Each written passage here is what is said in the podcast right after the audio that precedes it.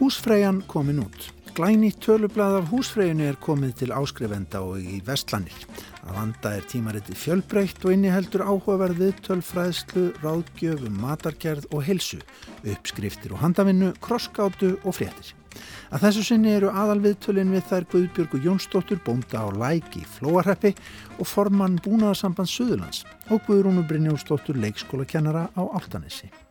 Ástís Birgisdóttir, framkvæmdastjóri Tekstilsetus Íslands á Blöndósi, sér um handavinnu þátt húsfreyjunar en í honum má finna skemmtilegan prjónaðan kerrupoka, barnateppi, trefil og flottar heklaðar hænur.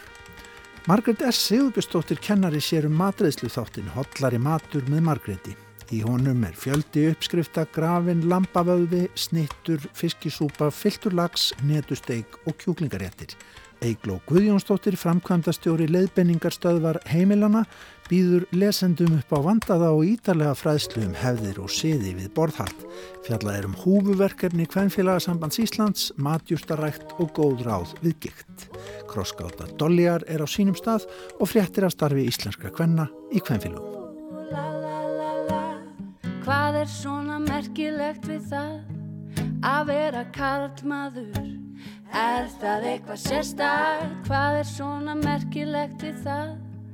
Að bóri veg Með blakk og dekker Hvað er svona merkilegt við það? Að bera áburð að póka Viltu gleri kóflegt Hvað er svona merkilegt við það? Að taka upp vél Að vinna á liftara ekkert mál Kæru hlustendur, hér hlustuð við á lýsingu á hausthefti húsfreyjunar sem útkom árið 2020. Miða við innihalblaðsins finnast varla þau mál sem ekki koma húsfreyjunu við. Í þessum þætti ætlum við að skoða mismundi hlutverk húsmæra. Velkomin í þriðja þátt húsmæra Íslands. Ég heiti Sigurbjörgil Húlmarsdóttir og ég er eina þeim sem í heimsfaraldrinum kefti sér hörgardínu lituð hana bleika með því að sjóða avokadosteina og saumaði svo kjól úr því. Spyrjum Erluhildi Haldósdóttir, professor í sagfræði, út í fjölbreytileika húsmaðurallutverksins. Þegar maður að tala um húsmaðurnám, þá má kannski ekki gleymast, við erum ekkert að tala um að það er bara að vera að læra um hreinlendi eða eldamennsku, við erum að tala um bóklegt nám, við erum að tala um hannirðir, við erum að tala um oft tíðum einhverja listsköpun? Algjörlega og það er bara þegar skoður útsögum hvenna, hvað sem það er eru, eru konur sem ekki fóru á neina skóla eða sem fóru á kvennaskólana eða húsmæraskólana þetta snýrist ymitt um sko bæði að kenna praktík og líka fengu þarna listneiðar stúlkur ímynda ég mér útrás fyrir hæfileika sína og síðan er það eins og þú nefnir þetta bóklega að það skipti líka mjög miklu mála því að konur voru að læra alls konar mjög hagnýta hluti. Það verður svona eins og litli sérfræðingar í, í öllu, smávís í hjúgrunn og smávís í næringafræði og, og eitthvað slíkt. Að þá var þetta samt auðvitað svo gríðarlega mikilvægt fyrir konur og, og hugmyndi var auðvitað að þetta verði það sem væri svo mikilvægt fyrir þjóðin og bara svona fyrir mann eldi og velferð þjóðarinnar að, að einhvern veginn að þú kynir að setja saman mat.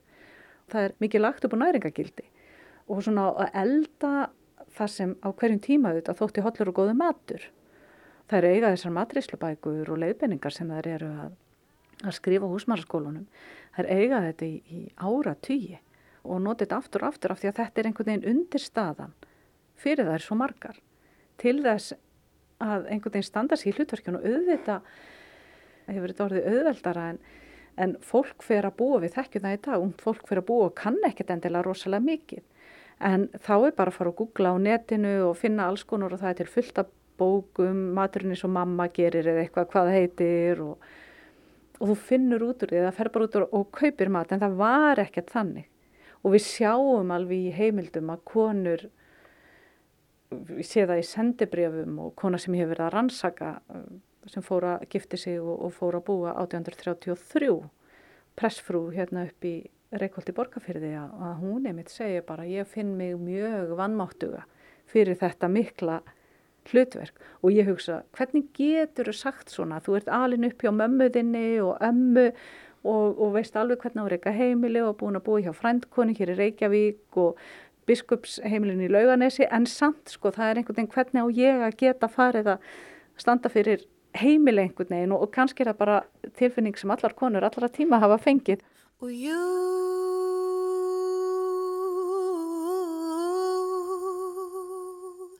and me can make it work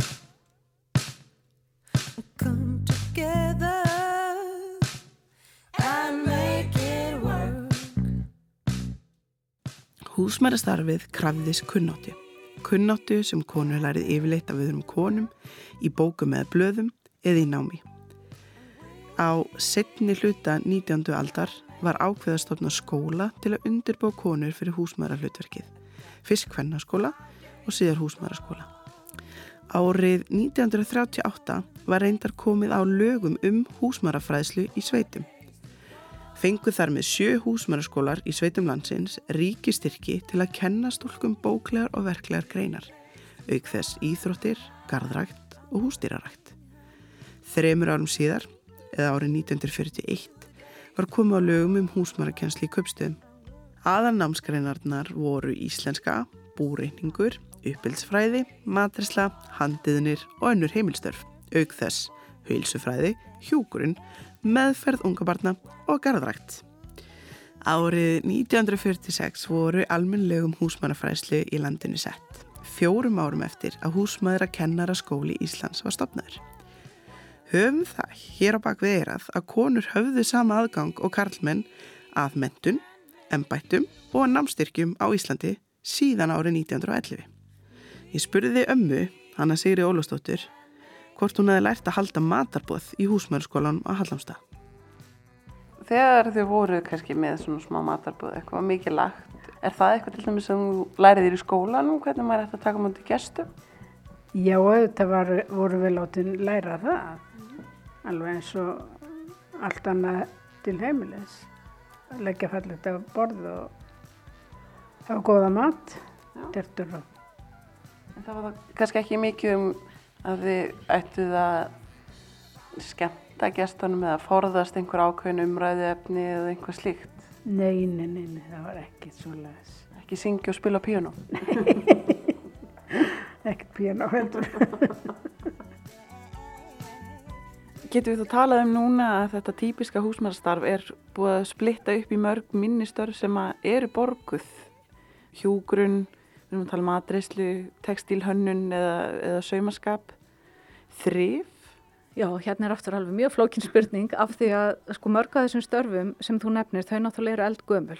Hjúgrunn til dæmis, það, það er náttúrulega bara mjög gammalt starf og við erum með íslenskar hjúgrunnakonur frá því bara undir lok 19. aldar og síðan náttúrulega er nafninu breytt eins og við þekkjum hjúgrunnakonur, verða hjúgrunnafræðingar þá þetta hefur verið kvennastarf framan af Uh, síðan fóstran, það er náttúrulega starf sem, sem verður, er sérhæft uppeldi starf og uh, sem kemur hinga til okkar um, já, rétt fyrir miðja 20. stöld þegar Valborg Sigurðar kemur heim úr, úr námi úr, úr, frá bandaríkjónum og, og stafna fósturskólan og, og fleira.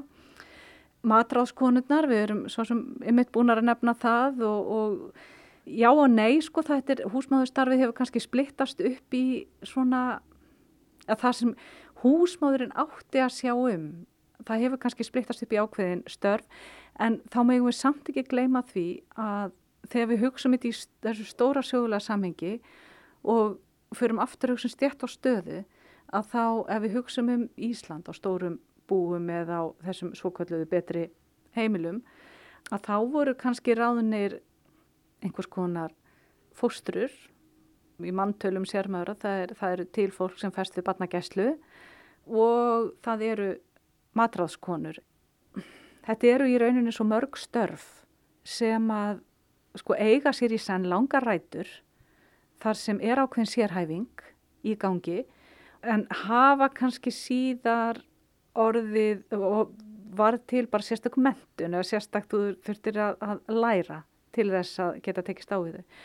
Og út frá stjættarstöðinni að þá var kannski húsmáður á betri heimili að hún í rauninni hjálpar öllum þráðum í hendi sér. Hún var ekkit endilega að passa på börnin sín allan daginn eða elda matinn eða sauma. Hann er það konur, það, það er mjög gamalt starfsvið og kannski eitt af fyrsta sem konur bara aftur á 19. öld, þá fara konur að reyna að sjá fyrir sér og ekki síst þegar komir upp inn á 20. öld og fara að læra karlmannafatasöym í gríðverk. Og mjög marga konur að læra karlmannafatasöym hér af því að konur gátt kannski frekar söym að þessi sjálfur en karlarnir gerði ekki. Þannig að þar var ákveðin aðtunugrein.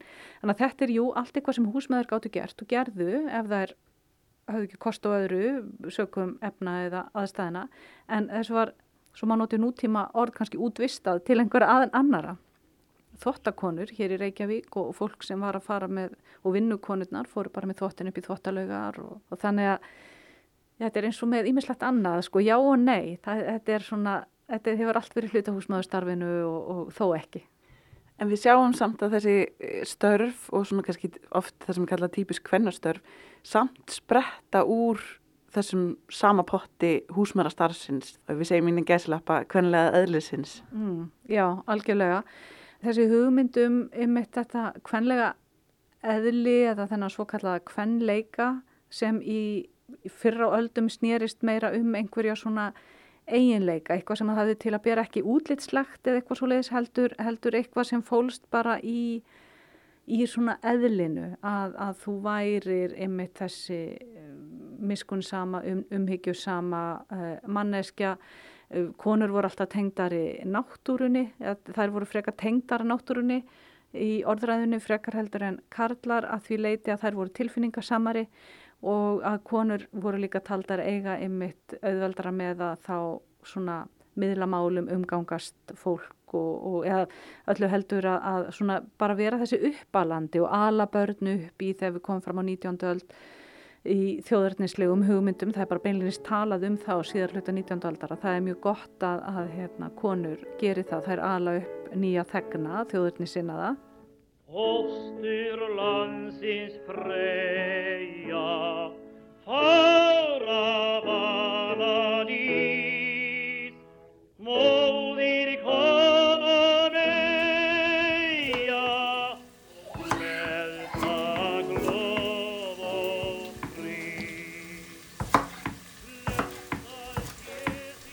Bandaríski fræðimadurinn Jessamy Neuhaus skrifar í bóksinni Manly Meals and Mom's Home Cooking eða karlmennlegir málsverðir og heimamadurinnar mömmu að hún telji að kyn og matrisla sé vonleisislega samtvinna.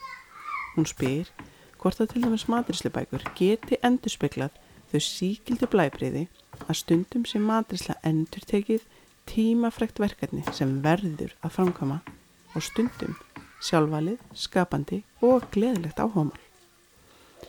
Þróun matseldar frá vinnu til áhugamáls í kringum 1975 er eitthvað sem kemur skýrt fram í mataríslubókum og rannsóknum fræðimanna. En flestir þeirra tengja það við að karlmenn voru að koma meira að mataríslinni. Til að mynda segja sænsku fræðimennir Niklas Náman og Kristína Fjellström að fítni matarkerlist í Svíþjóð nútímans hafi yfirleitt karlmann í líkillutverki og að sé tengd hugmyndum um tómstundir. Þrátt fyrir það kvíli heimilsmaturinn þó enn á herðum hvenna.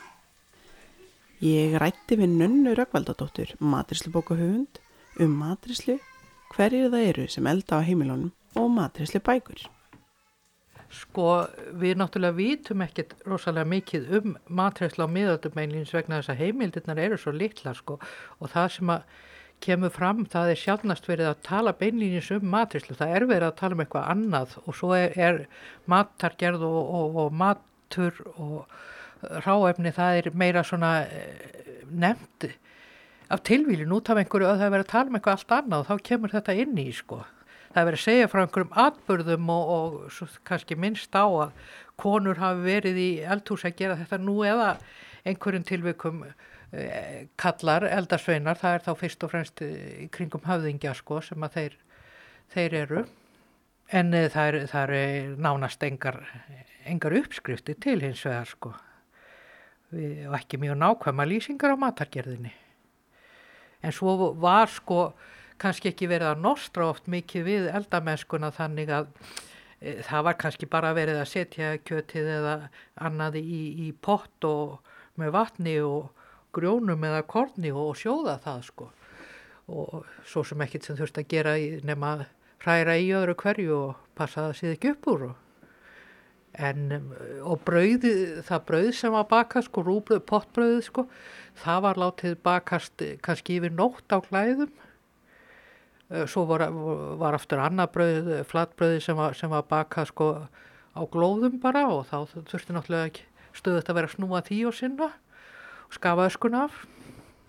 En við reiknum sérstaklega með að þetta hafi verið aðlega kvennmenn sem sáu um matagerð. Já, á flestum heimilum hefur það verið sko, það e, undantekningarnar hafa mögulega verið sko höfðingjasettur, biskupssettur þar sem er sko kannski miklu meiri eldamenn sko oft eldaðir eða stundum eldaðir fínir réttir og kannski eitthvað sem að kallmannu var þá trist frekar fyrir sko en það er svo sem e, ekkert vi, endilega víst að það hafi verið sko það konur alveg eins voru í því hlutverki En það er samt kannski svona svipar til og í, í, með í dag að oft eru svona fítni kokkar karlmenn. Já, það er nú að breytast. en jú, jú, það, það var svo sem uh, sérstaklega á, á 19. öld og eftir það, sko. Þá var þetta miklu, sko, kokkar hlutverkið, það var frekar kalla hlutverk, sko, ef þetta var, var sem sagt á veitingahúsum eða en, en hei, í heimahúsum voru alltaf konur og það, það voru sem sagt konur sem voru sko með matsölu hafðu kostgangara það voru yfirlega ekki kallmenn konur voru ráðskonur á, á hérna í skólu, hér að skólun til dæmis og, og öðrun slíkum þannig að það var fyrst og fremst á veitingahúsum og kaffehúsum þar sem kallar voru. Hvenar telur þú að verði breyting á því að karlminn fara að elda meira inn á heimilun? E, það er ekkert svo óskaplega langt síðan sko. Þegar ég var að, til dæmis þegar ég var í gagfræðaskóla þá voru strákarnir rétt, mínir jafnaldra voru ekki að læra matræðslu sko. Árgangun á eftir mér held ég hafi gert það. Þetta var að breytast á þeim ára, þetta, þetta er svona 1900 73-75 eitthvað svoleiði sko og uh, svona upp úr því fer þetta smátt og smátt að gera auðvitað voru alltaf til einstök heimili þar sem kallmaðurinn sá um matríslunum, þau voru algjör undantekning en, en svo fer þetta smá saman í rauninni kannski ekki fyrir 1980-90 í fyrsta lagi sem það fer að verða algengt eða svona allavega ekki ekki mjög sjálfkjönd og, og núna held ég sko mér heyrist á, á hérna mínum bönnum og, og þeirra eh, vinum að það sé allt eins kallmaðurinn sem sér um matagerðin og ofta, ég vel miklu frekar sko, Svo, svona til maður sér eiginlega alfarðum matræsla á sínu heimili sko. En telur það að vera einhvern mun á eh, sko, heimilismatnum eða fítni matræslu eða slíku, hvort að kallmaðurinn frekar takja sér að grilla og elda jólastegg og, og svoleiðis? Já, já, þeir, þeir grilla frekar oft og þeir sjá um matræðsluna og allt það, sko, þeir, ekki, ekki þetta engungu, sko, alls ekki, en það er miklu algengar og, og kallmenn einhvern veginn e, finnst mér oft hafa miklu meira áhuga á, á því það sem einhverja græjur, sko, en, en þetta er auðvitað alhæfing, sko. Heyrum hér brot úr viðtali frá 2008 við Dröfn Færistveit, hústjórnunarkennara, sem talar um ágæti örbylgjöfna. Þetta þótti hérna kallmönnum mjög áhugavert ja. því að það, þeir sá eiginlega fram á, fram á margi kallmenn, sáu fram á það að nú gætu þeir líka eldar. Þetta var ekki eitthvað bara lendadómi sem að konan kunni, heldur gáttu þeir kunna líka. Og ég fann þetta best á, á mínum eigin pappa. Og sem aldrei, hann var náttúrulega þeirri kynslu sem aldrei kom í, í eldhús. Kunni vallakakki á kaffegunni en svo þegar ég kenda hann með elda sér hafragraut við erbylgjöfninu þá var minn gladur sko mm. nú get ég sko mm. og þetta, þetta var uh, og þetta voru margir sem sagðu líka þetta var ég nú tækning komin í eldúsi þá, þá komast rákarnir sko hvað hlutverki gegna maturíslubækur bara svona samfélagslega séð? Þær eru svona ákveðin mynd af þjóðfélaginu. E, en þær eru mjög mísjafna sko, sumar gefa rétt að mynda því hvað fólk er að gera heima hjá sér. En mjög margar bækur eru svona e, bækur um það sem fólk dreymir um að gera. Ég hef stundum grínast með að þetta, það sé svona ákveðin tengsla milli sko matrislu bóka og tímarita og, og svona ja, kláms. Vegna þess að þetta er allt saman maður flettir og skoðar og ó, mikið væri nú gaman að gera þetta sko og, og svo lætur maður þar við sitja kannski sumir Okay, in they go and these wonderful sort of clumps of red are going to be pounded to a sort of coral sunset paste.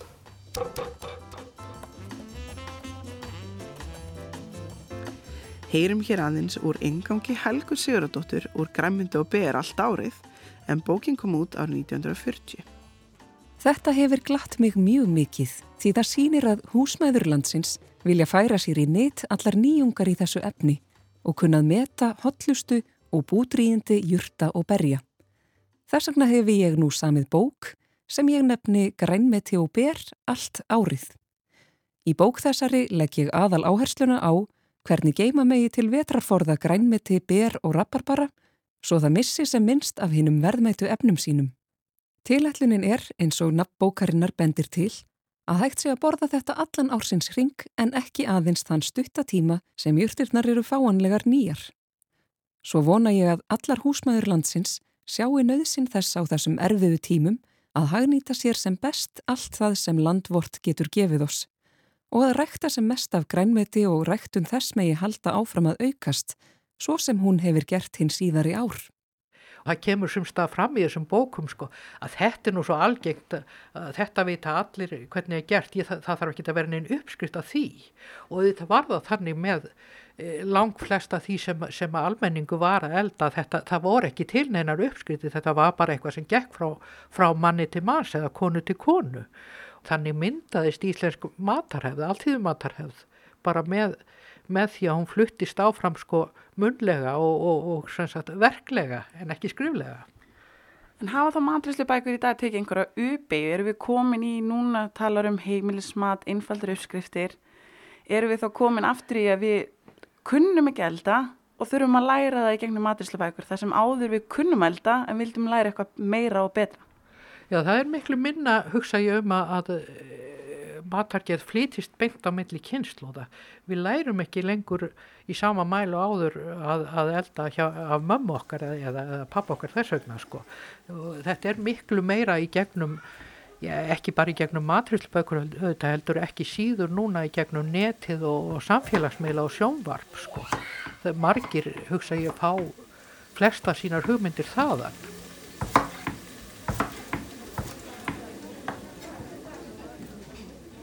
Segðu mér, hvað vakti áhuga þinn á borðsiðum og kurteysi og svona í, í sambandi við þessa fyrirleistar sem þú ert farin að halda? Já, góð spurning. Ég hef nú alltaf haft svona í grunni svona smá áhuga á þessu mm, og allir hef ekki verið vatnaskýrin þegar ég átta mig á því að ég hef búin að fara nokkur sinnum í Afternoon Tea, svona síðdeis tebóð í London og komst að því að ég kunn ekki reglurnar ég gerði allt vittlust og fór að lesa mig til og það er alveg svona síða reglur hvernig maður haga sér í afturinn og tí þannig ég las mig til og las og las og, og hérna, fór svo aftur. Og þá varð upp lifunin allt önnur heldur en var í fyrsta skipti þegar ég kunni þetta allt saman. Og þá fekk ég betri þjónustu og þjónandi stjönuð við mig. Og þá ekkert því svona uppgöta ég að mm, þetta skiptir þó nokkuð miklu máli þó þetta skiptir ekki öllu máli þá skiptir kurtesi og borstiðir svolítið miklu máli. Bjóðum velkomin í þáttinn Albert Eiríksson sem heldur til dæmis út í heimasíðinni Albert Eldar. Albert hefur haldið mörg námskeiðum borðsiði og kurtisi bæði fyrir einstakling og fyrirtæki og hér á undan heyrðu við hvað kveikti áhuga hans á þessum málefnum. Hvar eigum við að læra þess að segja? Hver ber ábyrð á að kenna okkur borðsiði? Við lærum svolítið mikið hvert af öðru og það er alveg þannig að borsiðir breytast með tímanum. Það verða svona litlar breytingar og ímislegt sem að var skrifa fyrir 50-60 árum sem á kannski ekki eins mikið við í dag. Rannveig Smith gáði bók árið 1942 sem heiti Kurtesi og í grunninn passar hún svolítið vel ennþá sko. En auðvitað er ímislegt sem að hún sá ekki fyrir, það voru engi, engi gemsar þá. Nú nefniru eldri bækur, það er til dæmis verið mikið um borsið og kurtis og svona í eldri matrisli bókum og matrisli bækur oft skrifaðir fyrir húsmæður. Var það þá, myndur þið tellja að það verið ábyrð þeirra að kenna heimilsfólki borsið? Já, það var ábyrð þeirra. Ger ég ráð fyrir, ég veit ekki nákvæmlega hvernig þetta var, en núna í nútíman þá er það í raun ábyrð okkar allra. Það er ábyrð foreldra og ekki bara um, maðurra, líka feðra. Þannig að við erum öll ábyrg en við verðum líka slaka á sko. Við verðum líka horfa gegnum fingur okkar.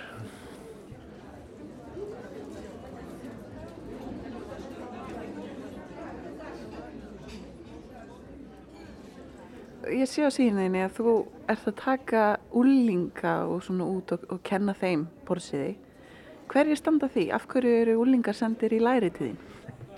Þetta kom þannig til að fyrir nokkrum árum þá setti ég með markmið fyrir, fyrir árið uppafi árs Ég ætlaði að byrta færslunum borsiði og kurtisi hverju viku allt árið. Og í framhaldinu þá var, var ég beðin að koma og halda fyrirlestra og tala um svona ýmislegt.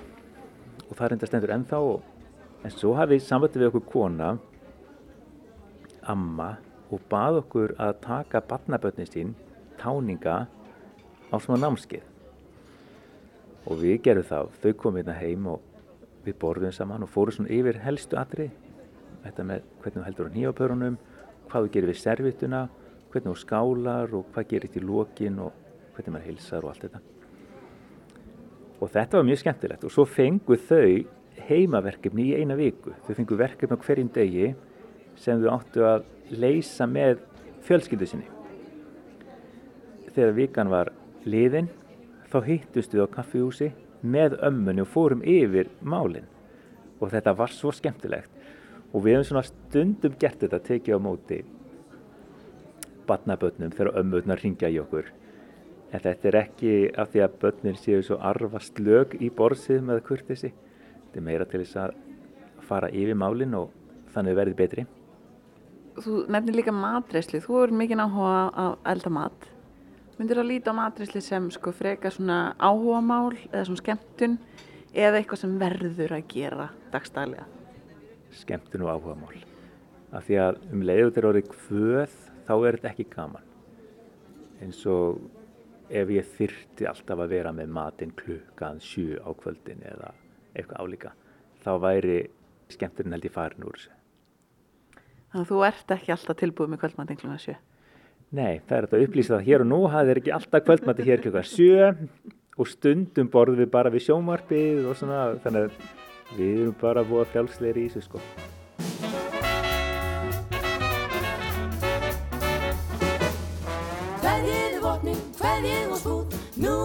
Búast við köku og snú. Konan í húsin er sæt og seg, hún situr og nóðar indæli steg.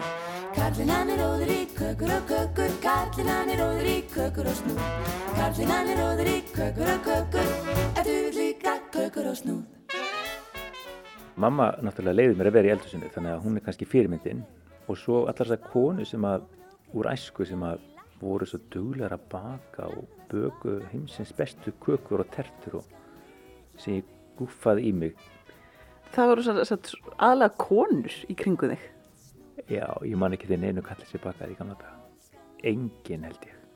Já, í gamla daga var, var það náttúrulega svolítið hlutverk hvennana, húsmaðuranna. En svona í minningunum þá finnst þið samt eins og það hafa haft gaman að því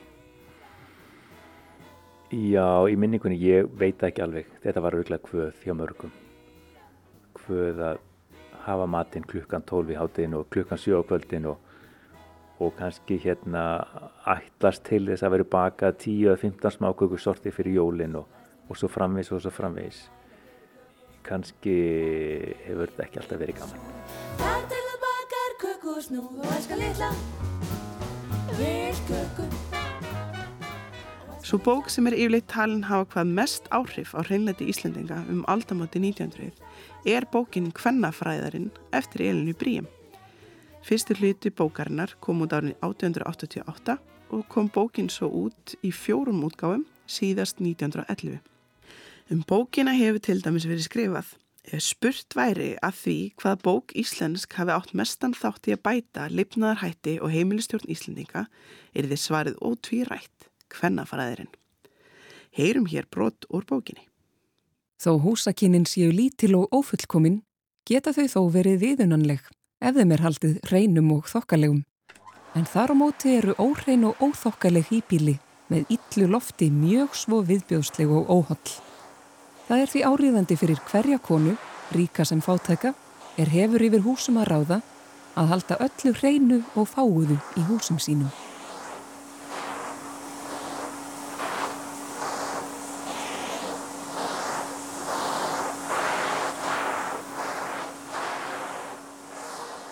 áður en um hvernarskólanir eru stofnir, hvar áttu konur að læra starfið, eins og nú hefur við talað um að þetta eru svo mörg starf, störfi í einu, hvar áttu þeir að læra? Náttúrulega bara læriðu þetta inn á heimilunum. Ef við bara hugsaum um Ísland, að þá auðvitað var hugmyndin svo, við vorum með vinnufólk, vinnukonur og vinnumenn. Og hugmyndin var svolítið svo í gamla íslenska samfélaginu að þú værir í rauninni að læra til húsmóður og húsbónda með því vinnufólk var svolítið skilgreint og, og fyrir lögum og svona, ég menna það var sett undir vald húsbóndans og pínulítið svona skilgreint eins og börn, þú veit sett undir húsaga. Þetta er svona ákveðin félagsmótun. Hvernig þú hagar þér í samfélaginu þegar þú ert komin í þessa stöðu húsmóður og húsbónda Þannig að fólk læriði það bara í gegnum þessa félagsmótun og í gegnum sína vinnu. En síðan týðkaðist það talsvert að stúlkur fóru uh, á betri heimili, svo kölluð. Og við þekkjum dæmi kannski alveg bara frá lokum átjöndu aldar og, og öruglega fyrr. Þetta er, þetta er bara einmitt eitt af því sem við möttum að skoða betur en það er talsvert mikið frá 19. öld áður en að kvennarskólatni voru stopnaðir að þá voru stúlkur og einmitt gerðan svona sem voru vel tengdar sjálfar frá því sem kallaðis betra heimili að þær fóru á svokvöldu önnur betra heimili kannski hjá einhverjum ættingum eða síslumansfrúnni eða pressfrúnni og lærðu eigum að segja til húsmóður lærðu hvernig ætti að stjórna heimili, lærðu þá kannski enn frekar að matbúa, jáfnvel einhver, einhverjar hannirðir. Þannig að það eru mörg, mörg dæmi um þetta og þetta í rauninni er alveg vel þekkt langt fram á 2000 og ég veit um konur í, í minni fjölskyldu og öðrum fjölskyldum tengdum mér að, að sem voru kannski á fyrstu 2-3 áratugum 2000 aldar komist í vist hjá svona heldra fólki bara með fínustu fjölskyldum landsins og, og voru þar bara svona vinnustúlkur. Og það var bara, fannst þeim ómeitanlegur skóli af því að þar læriðuru ákveðna hluti og bara hvernig ætti að, að ekki bara elda mat og kannski að fött heldur líka bara bera fram og gera hlutina rétt af því að þú gast alltaf einhvers veginn hýftið upp eða þú gast rekið fallegt heimili þó að það veri kannski ekki efnað en þú kunnir réttu hlutina, réttu handbröðin og og það bara bera matinn vel fram, eiga kannski þokkalegt bollastell eða matastell til að nota á fítni stundum. Og þú gerðir þetta allt fallega þá erstu búin að gera ótrúlega mikið. Og það er kannski þetta sem hefur verið svolítið mikilvægt líka fyrir sjálfsmynd margra hvenna, þú varst þá góð húsmáðir, hvað sem leið öllu öðru.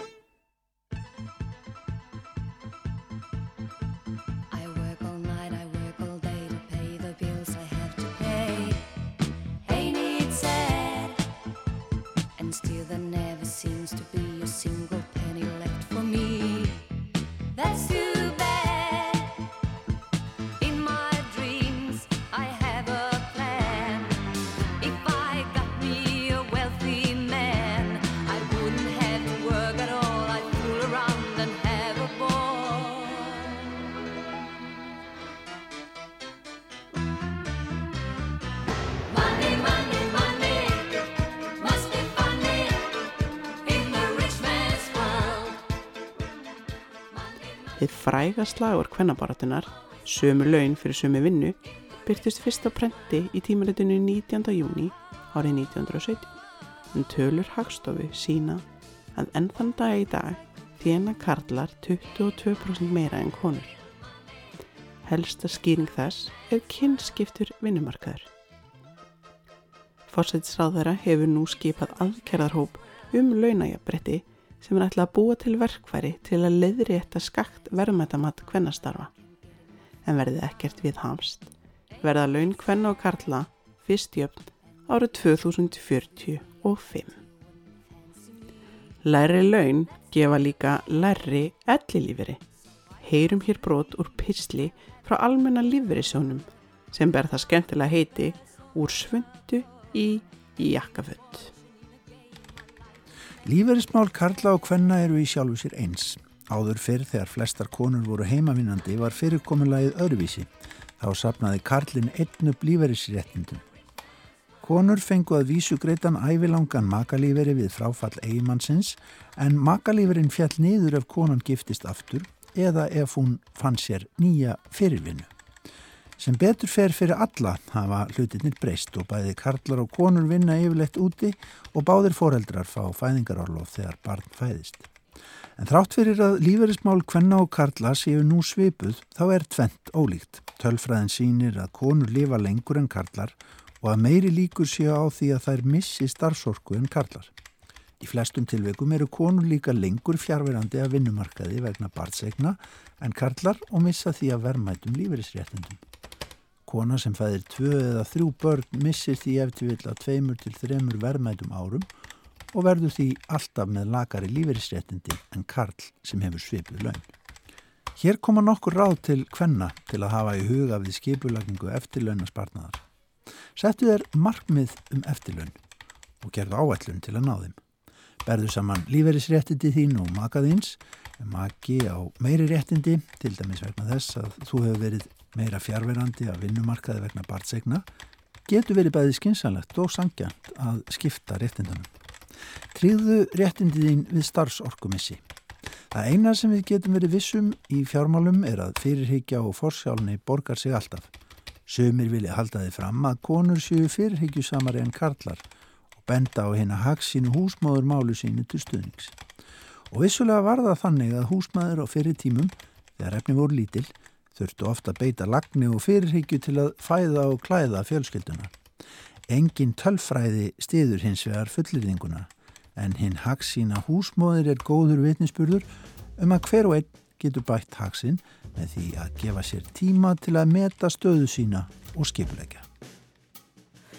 Honum finnst ég vera flottust hér á jörg Ef ég samsinni hans skoðun út í eitt?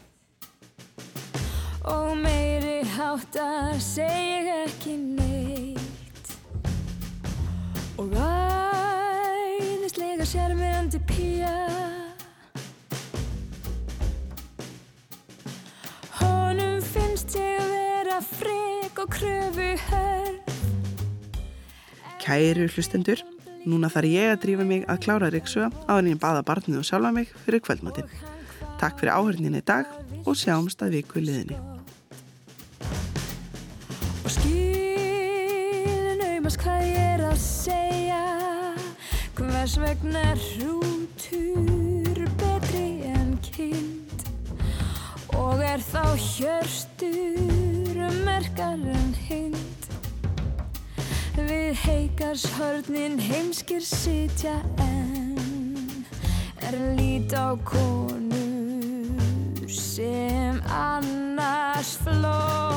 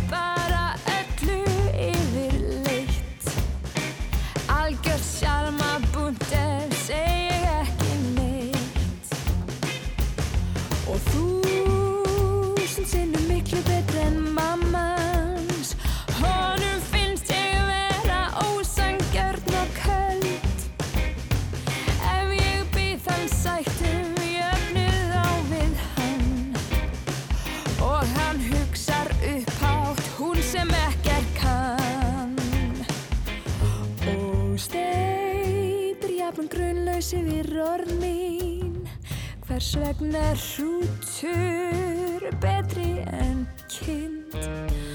Og er þá hjörtur merkar en hind. Við heikars hornin heimskir sitja en Er lít á kú